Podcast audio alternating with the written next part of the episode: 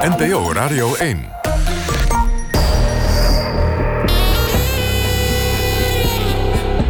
Argos. Onderzoeksjournalistiek van de VARA, Human en de VPRO. Max van Wezel. Hallo, goedemiddag en welkom bij Argos, het onderzoeksprogramma van NPO Radio 1. Bij subsidieinstantie ZonMW kan niet worden uitgesloten dat in de afgelopen jaren sprake was van de schijn van belangenverstrengeling. Dat meldde Hugo de Jonge, de nieuwe minister van VWS, deze week aan de Tweede Kamer, naar aanleiding van een Argos-uitzending uit september. Deze week verscheen het feitenrelaas dat ZonMW maakte op verzoek van de minister. Hoogleraar Wim Voermans en redacteur Erik Arends hebben het aandachtig gelezen. Straks hun commentaar. U kunt met de uitzending meepraten. De hashtag is Argos Radio 1. NPO Radio 1. Argos. En dan nu het grote onderzoek.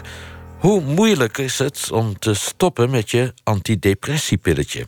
Willem de Haan zocht het uit. Ik ben Egbert Meter en ik ben als psychiater voornamelijk gespecialiseerd in psychose en verslaving. Maar eerder in mijn carrière heb ik ook heel veel met angst en depressie gewerkt. We zitten in een vrijstaand huis in een bos bij Beekbergen. Egbert Meter behandelt niet alleen patiënten met angsten en depressies, hij heeft er zelf ook last van gehad. Hij is jarenlang één van de miljoen gebruikers van antidepressiva in Nederland geweest. Ja, ik heb er echt heel veel baat bij gehad. Ik ben echt ook gewoon een, eh, nou ja, een believer, zeg maar, in farmacotherapie en uh, in de effecten daarvan. En dat wordt dan helemaal versterkt natuurlijk, doordat je zelf zo'n hele positieve ervaring hebt gehad. Jarenlang was hij een tevreden gebruiker, maar op een gegeven moment wil hij toch van zijn medicatie af. Ja, waarom? Ja, het geeft toch een, een, een gevoel van falen. Eh, dat je het niet zelf kan. En dat is het hele rare met depressies. Eh, depressie is natuurlijk het stuk falen, is inherent, is een van de onderdelen eigenlijk van de depressie. Dat gevoel van ik doe het niet goed genoeg in het leven. En ja, als je dan daar medicijnen voor nodig hebt, bij mij was dat zo, dan heb ik, had ik toch dat gevoel van ja, ik zou sterker kunnen zijn. En daarom bouw ik van die medicijnen af. En daarover gaat dit verhaal. Over het stoppen met antidepressiva.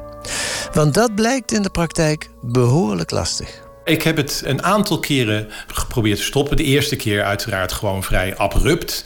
75 milligram naar 37,5 milligram. En dan Dat is de kleinste pil, hè? 37,5? Ja, 37,5 is de kleinste pil. En eigenlijk heel snel kreeg ik de bekende ontwenningsverschijnselen. Van een raar tintelend gevoel in het lichaam. Hoofdpijn, slapeloosheid, onrust, agitatie noemen we dat. Dat je ook een beetje makkelijk prikkelbaar bent. Dat soort klachten. Ik ben Peter Groot, ik ben 62 jaar en ik heb 14 jaar geleden een hele zware depressie gehad. Toen ben ik antidepressiva gaan gebruiken en toen kwam ik erachter dat er problemen waren bij het eh, stoppen met die medicatie. Peter Groot is chemicus en onderzoeker bij de Universiteit van Maastricht. Ook hij had last van depressies. En ook hij had grote problemen bij het verminderen van zijn medicatie. Hij ontdekte dat hij niet de enige was. Nou ja, wat je, in de praktijk zie je dat eigenwijze patiënten elkaar adviezen geven van zo moet je dat doen. En dat kan variëren van het afwegen, het afslijpen van pilletjes, het afwegen van pilletjes. Mensen richten halve laboratoria in, capsules openbreken. En als mensen dat goed doen, dan kan dat ook goed gaan. Maar tegelijkertijd gaat het heel vaak mis. Heel veel patiënten lukt het niet. En het is natuurlijk een beetje absurd dat dat nodig is. Patiënten proberen op allerlei manieren de laagste dosis van het middel nog lager te maken. Ook Egbert Meter ging bij zijn tweede stoppoging aan het experimenteren. En toen ben ik het voorzichtiger gaan doen. En die venlafaxine zijn capsules, die kan je openmaken. En dan kan je daar gewoon op een papiertje kan je dat gaan verdelen. Dus die 37,5 kon ik eerst de helft gaan nemen en toen een kwart gaan nemen. Ja, en minder dan... Er zitten korreltjes in, geloof ik. Ja, er zitten korreltjes in en dat kan je dan heel mooi op een papiertje uitspreiden. En dat heb ik de tweede keer gedaan. Maar dat hielp ook niet in uw geval? Dat hielp hielp ook niet. En toen kreeg ik weer die bekende bijverschijnselen. En dat was natuurlijk frustrerend. En toen heb ik het later nog een derde keer gedaan. En ook dat ging niet goed. En toen ja, heb ik daar uiteraard ook met collega's over gepraat. En nou, toen zeiden alle collega's, Egbert, vergeet het nou maar. Je weet toch, je zegt zelf toch ook in je spreekkamer tegen je patiënten... accepteer nou, begreep ook dat je dit moet gebruiken. Dus accepteer dat en blijf dat gewoon gebruiken. En dat heb ik toen, ja, eh, dacht ik, geaccepteerd.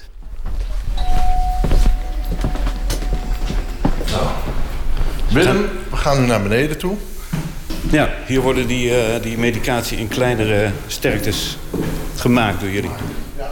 We zijn in de apotheek van Paul Harder, in het Brabantse Bavel, vlakbij Breda. Hier komen we in de kledingssluis. Kijk.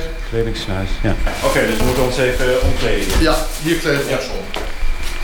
Verslaggever Willem de Haan trekt een witte jas aan, zet een muts op en doet sloffen om zijn schoenen. Waar we hier zijn is de weegruimte. Dit is de, de, de lactose. Oké, dat gaat hier in deze Dat bak. gaat in dit vat, ja. Dan gaan we over tot de volgende stof. We zitten in de grote kelder van de apotheek van Paul Harder. Het lijkt wel een kleine medische fabriek. Voor ons een ruime gang met aparte ruimtes. In de ene ruimte worden stoffen afgewogen en in een volgende worden ze gemengd. Dan sluiten we netjes de zakken. En brengen we het vat naar de mengruimte. Hier wordt gewerkt aan een oplossing. Pas op, niet met je benen er tegenaan. Vat wordt gesloten. En dan gaat het. En dan moet het nog een pil worden. En dan zie je in de tabletteerruimte dat we daar de tabletten van kunnen maken. Ja, dan gooi je het in die machine en daar komen dan straks eh, de pillen uit. De pillen uit. Soms adviseren artsen aan patiënten die willen stoppen om de pillen dan maar om de dag te slikken. Nou ja, dat is helemaal iets. eh, Daar zou al lang in richtlijnen een waarschuwing voor moeten zijn om geen pillen om de dag te slikken.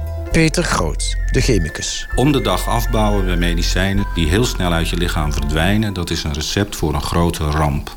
Want dan ga je heel sterk schommelen in de hoeveelheid. En dan krijg je die evenwichten die heel snel veranderen. En dan melden mensen dus van: ik, word, eh, ja, ik voel me de ene dag heel ziek, de andere dag iets beter. Dan voel ik me weer waardeloos. Dat is dus buitengewoon onverstandig. Antidepressiva en een aantal andere medicijnen. Als je die slikt, slik ze trouw. En als je verandert, verander langzaam. Groot bedacht een andere oplossing. Niet om de dag slikken, maar om de paar dagen de dosis nauwkeurig een beetje verminderen. Nog later bedacht ik dat al die patiënten die zo wanhopig proberen... internet staat vol met dat soort verhalen... om hun dosis geleidelijk te veranderen... dat proberen te bereiken. Simpelweg de dosis steeds een klein beetje verminderen. U zocht naar een apotheker die dat kon maken en dat bleek deze apotheek te zijn hier in Brabant. Ja, deze apotheker wilde dat. Misschien dat een ander, maar een ander heb ik niet gevonden. Maar deze apotheker wilde dat, ja. Dat is het signaal dat hij weer de monster neemt. En zo nemen tijdens het hele productieproces monsters af. Paul Harders tabletten hebben hele lage doseringen. Daarmee kan de patiënt elke dag minderen in sterkte. Die tabletten zijn niet in de handel. Hier staan ze, in dit magazijn. Ze heten taperingstrips. Wat we hier hebben is een afbouwschip van paroxetine van 5 naar 2 milligram in 28 dagen. Ja, dat is een klein blauw pilletje zie ik. Ja, dat is een pilletje van 5 milligram paroxetine. Dat gebruikt hij op dag eh, 28. Daar begint hij mee. En op dag 27 ook, 26 ook. En dag 25, dan gaat hij naar beneden naar één tablet van een halve milligram en twee van 2 milligram. Dus samen 4,5 milligram. Dus deze patiënt gaat 1, 2, elke drie dagen een halve milligram naar beneden en bouwt zo zijn medicatie af. Een collega bij mij op het werk, waar ik goed contact mee had, die gebruikte ook Venlafaxine. En die eh, had ook al eens een keer geprobeerd te stoppen en het was niet gelukt. En die was gaan zoeken en die was hierop uitgekomen. Egbert Meter, de psychiater. Hij ontdekte via een collega de pilletjes van apotheker Harder. Ik was eerst een beetje sceptisch. Ik zei haar van, nou joh, je kan het toch gewoon ook eh, die pillen gaan delen, kleine eh, portietjes enzovoort. Eigenlijk irrationeel, terwijl ik zelf die slechte ervaring al had gehad. Maar goed, ik heb haar toen geholpen en ja, dat is gewoon een groot succes geweest. Je kan het langzaam en snel doen. En uh, zij heeft het toen in twee maanden afgebouwd. En het laatste stapje, en dat blijft mij verbazen... maar het laatste stapje, dan gaat ze op een gegeven moment van 1 milligram... Hè, je moet je realiseren, de gewone dosering voor behandeling is 75 milligram... en dan die laatste stap gaat ze van 1 milligram naar 0... en toen kreeg ze toch, toch dat hele rijtje van trillerigheid, een beetje prikkelend gevoel in het lichaam enzovoort. Niet zo heel heftig, maar het was er wel. Dus moet je realiseren dat zelfs die 1 milligram eh, naar nul bij een enkeling nog een grote stap is. Ja, u heeft het zelf later in drie maanden gedaan. Hè? Dus het is een hele lange periode waarin u een steeds kleinere dosering gebruikte. Uh, wat was uw ervaring daarmee? Ja, mijn ervaring is heel erg positief geweest. Ik heb eigenlijk in dit hele traject geen enkele keer dat rijtje van bekende bijwerkingen gehad. Ook niet dus na de laatste stap naar nul. Dus ik ben echt heel erg tevreden. Stoppen met antidepressiva is moeilijk. In een Brits onderzoek uit 2014 rapporteert 63% van de gebruikers klachten bij de afbouw van de medicatie. En volgens een zeer recent onderzoek van de Radboud Universiteit lukt het slechts 6% om succesvol te stoppen. Vooral venlafaxine, merknaam is Effexor, en paroxetine, de merknaam is Seroxat, zijn berucht vanwege ontwenningsverschijnselen. In Nederland gebruiken, volgens de zorgverzekeraars, zo'n 300.000 mensen deze pillen. Hier staan allemaal dozen met met verschillende... Voor, voorraad van paroxetine, venlafaxine. Ja, ja, ja. De taperingstrips van Paul Harder zijn een succes. Zo'n 2500 gebruikers hebben via een recept van hun huisarts met die strips hun medicatie kunnen afbouwen. Ze gaan inmiddels het hele land door. Probleem opgelost. Dat dachten ook de zorgverzekeraars. Ze betaalden gewoon en uh, er was geen veldje aan de lucht. Totdat er een krant over ging schrijven. Dat was een artikel in de Volkskrant in december 2015. En dat had tot gevolg dat de zorgverzekeraars moeite kregen met een behandeling die juist heel effectief was. U zegt door die publicatie in de Volkskrant veranderde iets. Wat veranderde toen? Nou, toen kregen ze blijkbaar in de gaten dat er een effectieve behandeling om de medicatie af te bouwen maar nu speculeer ik, mogelijk waren ze bang voor de kosten die het afbouwen teweegbracht. Ja. Begrijp ik nou dat aanvankelijk zeggen die zorgverzekeraars... oké, we betalen dit gewoon, dan, dan wordt het bekender en dan gaan ze stijgen. Zat het dan vooral in de kosten? Was dat hun, hun voornaamste punt? Mogelijk dat de kosten het punt zijn... maar dat hebben ze nooit zo ge gecommuniceerd. Ze hebben uitsluitend gesproken over het ontbreken van wetenschappelijk bewijs. Wat het ook is, de meeste zorgverzekeraars stoppen na de publiciteit met het vergoeden van de strips. Een van hen, Zilveren Kruis, vraagt advies aan het Zorginstituut. Het Zorginstituut, dat is een onderdeel van het ministerie van VWS. En hun advies is bepalend of een medicijn vergoed moet worden of niet. Maar het Zorginstituut zelf heeft geen mening over de taperingstrips.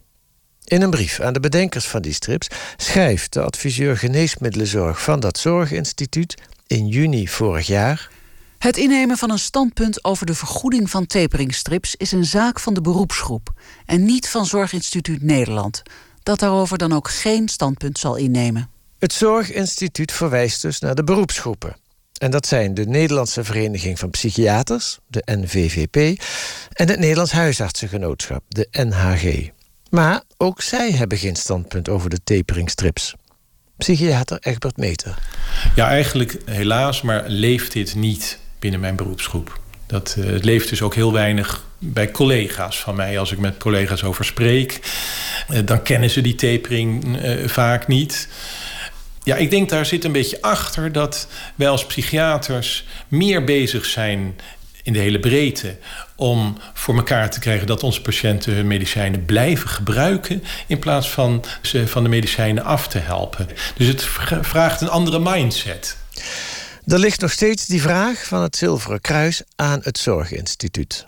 Moeten ze die taperingstrips nu vergoeden of niet? Uitstukken die apotheker Paul Haarder vorig jaar met een beroep op de wet openbaarheid van bestuur krijgt, blijkt hoe het Zorginstituut na dat verzoek van Zilveren Kruis opereerde. We komen een telefoonnotitie tegen van juni 2016 van een medewerker van het Zorginstituut. Zojuist telefonisch contact gehad met de werkgroep Medicatiebeleid van de NVVP. Volgens de psychiaters is het in hun praktijk geen issue. Afbouwen doe je in goed overleg, samen met de patiënt. Uit deze notitie blijkt dus dat het Zorginstituut navraag doet bij de Vereniging van Psychiaters over wat hun standpunt is. En ze concludeert dat taperingstrips voor de Vereniging van Psychiaters kennelijk geen issue is. Dat is een argument voor Zilveren Kruis om niet te vergoeden. In de WOP-stukken vinden we ook nog een opmerkelijke interne mail van 28 juni vorig jaar tussen twee medewerkers van het Zorginstituut. Ik probeerde je even te bellen. Even kijken of je tevreden bent over het verloop. En om te checken of de vraag die je mailde, namelijk of we de NVVP nog duidelijker moeten meegeven dat zij aan zet zijn om zich tegen de taperingstrips te verweren, wat jou betreft voldoende beantwoord wordt door je mail. Deze medewerker van het Zorginstituut wil dus graag dat de Vereniging van Psychiaters zich verweert tegen de taperingstrips. Dat is gek, want het Zorginstituut neemt immers geen standpunt in in deze discussie. Of toch wel? Enkele weken later schrijven ze aan de bedenkers van de taperingstrips. Het Zorginstituut concludeert dat de NVVP geen problemen ervaart bij het afbouwen van psychofarmaca en dat de behandelrichtlijnen waar de taperingstrips geen onderdeel van uitmaken toereikend zouden zijn. Maar klopt het wel wat het Zorginstituut hier beweert? Mijn naam is Erik Ruhe, ik ben psychiater, werkzaam bij het Radboud UMC. En ik uh, vertegenwoordig in deze nu de NVVP. Ja, de Nederlandse Vereniging voor Psychiatrie. Exact. Ruhe bevestigt dat er in de zomer vorig jaar contact is geweest tussen het Zorginstituut en de vereniging over de kwestie van de taperingstrips. Maar, zegt Ruhe, dat was slechts een informele gedachtenwisseling. Ja, er is inderdaad toen informeel overleg geweest. En voor zover de commissie medicatie dat toen op dat moment overzag, was er in de psychiatrische praktijk niet zo'n duidelijk probleem dat gesprek, dat is een telefoongesprek, dat was een informeel gesprek. Daarin is nooit het standpunt ingenomen dat er ja, wel of niet voor taperingstrip zou worden gekozen. Uh, daarin is gewoon een informeel gesprek geweest. En het is dus ook nooit een ja, officieel standpunt geweest wat daar ingenomen is in dat telefoongesprek. Het was een informeel gesprek. Een informeel gesprek dus, zegt Ruhe. Maar het Zorginstituut meldt aan verzekeraar Zilveren Kruis dat de psychiatrievereniging geen problemen ervaart bij de afbouw van antidepressiva. En twee weken daarna schrijft minister Schippers hetzelfde. Dat doet ze in een brief aan de cliëntenraad van Arkin, een grote GGZ-instelling in Amsterdam. Gezien het oordeel van de beroepsgroep over de taperingstrips zie ik onvoldoende aanleiding om verdere stappen te zetten om landelijke invoering van de taperingstrips te stimuleren. Vrij vertaald, verdere actie is volgens de minister niet nodig. En ze baseert zich daarbij ook weer op het vermeende oordeel van de Vereniging van Psychiatrie. Kort daarop doet de geschillencommissie voor zorgverzekeraars nog eens een keer hetzelfde. In oktober stelt de geschillencommissie de verzekeraar Zilveren Kruis in het gelijk in een conflict met een patiënt. De verzekeraar hoeft de taperingstrips niet te vergoeden. Het argument van de commissie is dat de Vereniging voor Psychiatrie geen problemen ervaart bij het afbouwen van psychofarmaca en dat de specifieke behandelrichtlijnen toereikend zouden moeten zijn. Maar dat is toch geen juiste weergave van wat de Vereniging voor Psychiatrie bedoelde? Erik Ruhe. Nee, dat betreuren wij ook heel erg. Dat is ook iets waarover toen dat uh, zeg maar bij ons bekend werd, heeft onze directeur, mevrouw Saks, heeft daarover een brief geschreven aan de betrokkenen. Waarin heel duidelijk is gemaakt dat dit geen officieel standpunt is. En dat het in die zin nooit zo naar buiten had kunnen worden gebracht. En dat de NVVP zich daar ook niet in herkende. Ja, ook minister Schippers schreef destijds een brief aan een vereniging van patiënten, hè, Arkin in Amsterdam. En zei ook van ja, ik zie geen rol voor mijzelf als minister om iets te bepleiten of niet, want de psychiaters vinden het geen probleem. Ja, ja, zo zie je hoe dingen hun eigen leven gaan leiden. En nogmaals, wij betreuren dat. Het Zorginstituut wil ons hierover niet te woord staan. De woordvoerder stuurt wel een mail met antwoord op een aantal vragen. We hadden, zo schrijft de voorlichter, kortom niet de indruk dat de Vereniging voor Psychiatrie problemen ervaarde. Wanneer steeds meer verzekeraars advies willen over het wel of niet vergoeden van de taperingstrips, publiceert het Zorginstituut in september vorig jaar een bindend advies. Er is geen wetenschappelijk bewijs dat de taperingstrips werken. Met dit advies kunnen zorgverzekeraars elke claim afwijzen. Vergoede verzekeraar IZZ van Egbert Meter in 2015 nog wel zijn afbouwstrips. Nu doen ze dat niet meer. IZZ laat ons weten. Dat gebeurt nu niet meer. We zien de strips niet als rationeel. Er is geen wetenschappelijk bewijs en het is te duur. Maar wat is wetenschappelijk bewijs? Afgelopen najaar kreeg apotheker Paul Harder honderden ingevulde vragenlijsten retour met ervaringen van gebruikers van de taperingstrips. Binnen twee weken kwamen 420 reacties binnen. 348 van patiënten en 72 van behandelaars. We mochten die reacties inzien. Een psychiater rapporteert. In mijn praktijk heb ik inmiddels al met circa 30 patiënten een afbouw kunnen inzetten. Waar eerdere pogingen vroegtijdig stranden en zij met moeite te motiveren waren om toch nog eens een poging tot reductie of stoppen te wagen. Ga vooral voort met dit aanbod. Een andere psychiater schrijft. Van mijn privépraktijk kan ik alleen zeggen dat ik uitstekende resultaten kan melden met betrekking tot de taperingstrips. Deze methode heeft patiënten duidelijk kunnen helpen om na jaren, soms tientallen jaren en herhaalde mislukte pogingen de medicatie toch te kunnen staken. En een huisarts laat weten. Ik heb twee patiënten met succes afgebouwd met behulp van taperingstrips. Daar waar normaal afbouwen niet lukte door bijwerkingen en ontwenningsverschijnselen. De lange termijn lijkt ook goed te zijn gegaan. Over de reacties van de patiënten zegt apotheker Harder. De verhalen van de patiënten zijn om te huilen. Dat welke hel ze zijn doorgegaan bij hun eerdere pogingen om af te bouwen. En hoe ze nu betrekkelijk probleemloos van hun pillen af zijn... na zelfs gevallen van 20 jaar gebruik van medicatie. Volgens Harder en Groot is het duidelijk. De strips zijn een succes. Het argument van ontbrekend bewijs begrijpt Groot niet.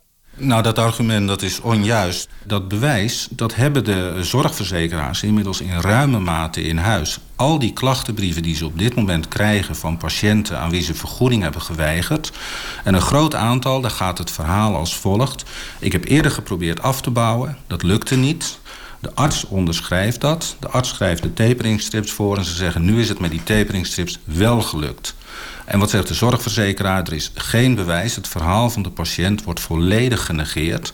Hoe moet ik het dan wel doen? Maar de verzekeraars houden vol.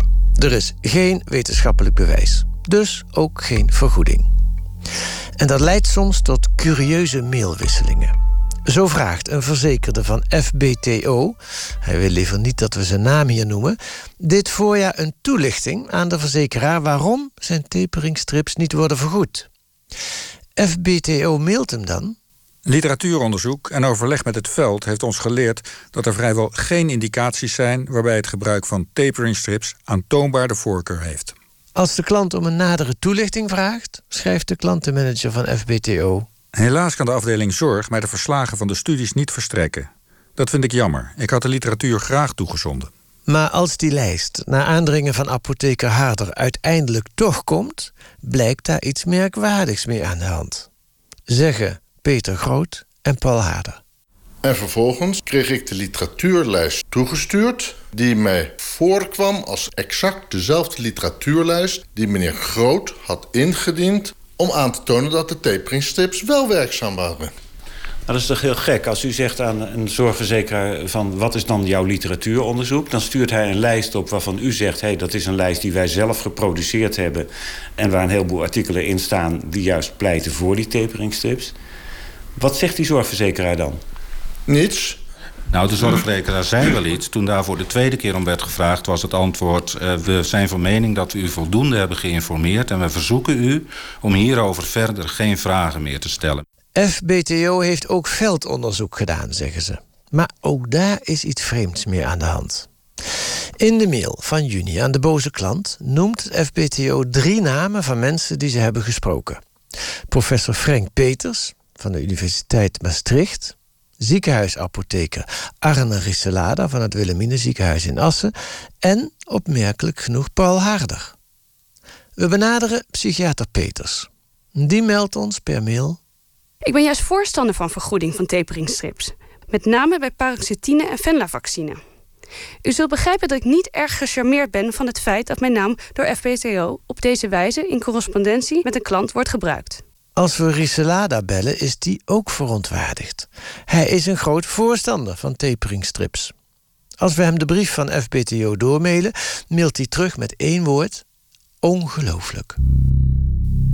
Paul Harder het gesprek met mij werden ze ook naar verwezen. Alsof ik voorstander zou zijn om de taperingstrips niet te gebruiken... en uitsluitend bij de venlafaxine. Hoe verklaart u dat, dat die drie namen dan opduiken in die brief? Nou ja, men moet tegen die betreffende patiënt... want het was een cliënt iets vertellen en men zegt... we hebben literatuuronderzoek gedaan en we zeggen erbij... we hebben die mensen geraadpleegd... en dan hopen we dat die patiënt daar genoegen meeneemt. We vragen om opheldering bij de perswoordvoerder van Zilveren Kruis... die ook de woordvoering doet voor FBTO. De woordvoerder zegt dat ook nog met andere dan deze drie mensen is gesproken, maar ze wil niet zeggen met wie. Op onze vraag waarom FBTO dan wel deze drie namen heeft vrijgegeven, juist van voorstanders van taperingstrips, komt geen antwoord meer. De discussie over de taperingstrips lijkt een geloofskwestie te zijn geworden. We bellen met een aantal verzekeraars en krijgen verschillende antwoorden. Twee kleine verzekeraars, DSW en Eno, vergoeden de strips. Eno laat ons weten. Wij zien de potentiële toegevoegde waarde en vergoeden de strips zonder voorwaarden. Een andere verzekeraar, Zorg en Zekerheid, vergoedt de taperingstrips voor 28 dagen. En alleen als twee eerdere pogingen zonder strips zijn mislukt. En bijna alle andere verzekeraars vergoeden afbouwstrips op dit moment niet. Na maanden van stilte zit er sinds dit jaar opeens beweging in de kwestie. De verenigingen van psychiaters, artsen, apothekers en patiënten zijn in overleg gegaan om overeenstemming te vinden hoe je antidepressiva het beste kunt afbouwen. Een consensusdocument moet er komen. Maar dat is wel een heel precair proces. Dat horen we van psychiater Erik Ruhe. Wat het grote probleem is bij dit onderwerp, afbouwen van antidepressiva, dat is dat er meer ja, experts zijn die er iets over zeggen dan dat er onderzoek is over hoe je dat nou het beste kan doen. Hoe doe je dat? Waar moet je op letten? Wat heb je daarvoor nodig? Zegt u het dus? Ja, als ik dat nu wist, dan was dat consensusdocument er al. Dus dat document, daar wordt aan uh, gewerkt. Uh, toevallig na dit gesprek hebben wij daar een vergadering over. En dan kom je bij elkaar met alle ja, overwegingen die daarbij gelden, tot wat we noemen een consensusdocument. En dat noemen we zo omdat daar natuurlijk ook ongetwijfeld mensen zullen zijn die zeggen: van, ja, maar ik zie dat anders of ik wil dat anders um, doen. Klinkt allemaal heel erg voorzichtig. Nou ja, ik ben voorzichtig omdat ik denk dat het inmiddels een best wel gevoelig uh, onderwerp is geworden. Um, dat ik denk dat een hele hoop mensen dit proberen op te lossen op hun manier. En dat we met z'n allen nu eigenlijk moeten zorgen dat er iets ligt wat houvast biedt.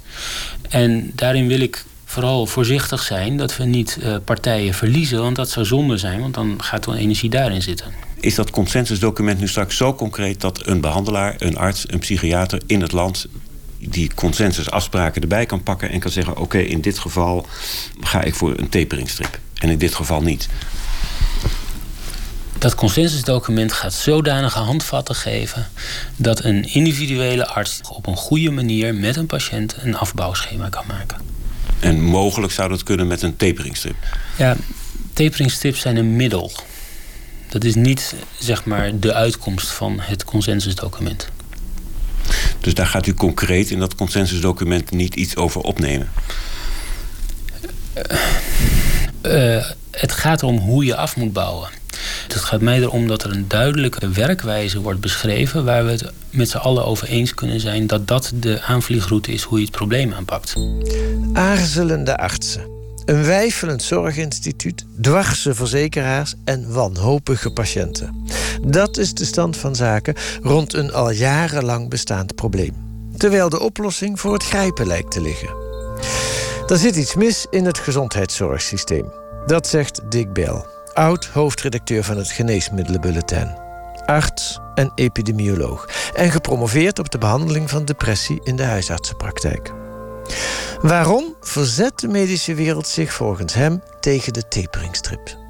Nou, dat heeft vooral te maken met het feit dat deze apotheker uit Bavel uh, voorziet in een methode die uh, bij een deel van de patiënten uitzonderlijk goed aanslaat.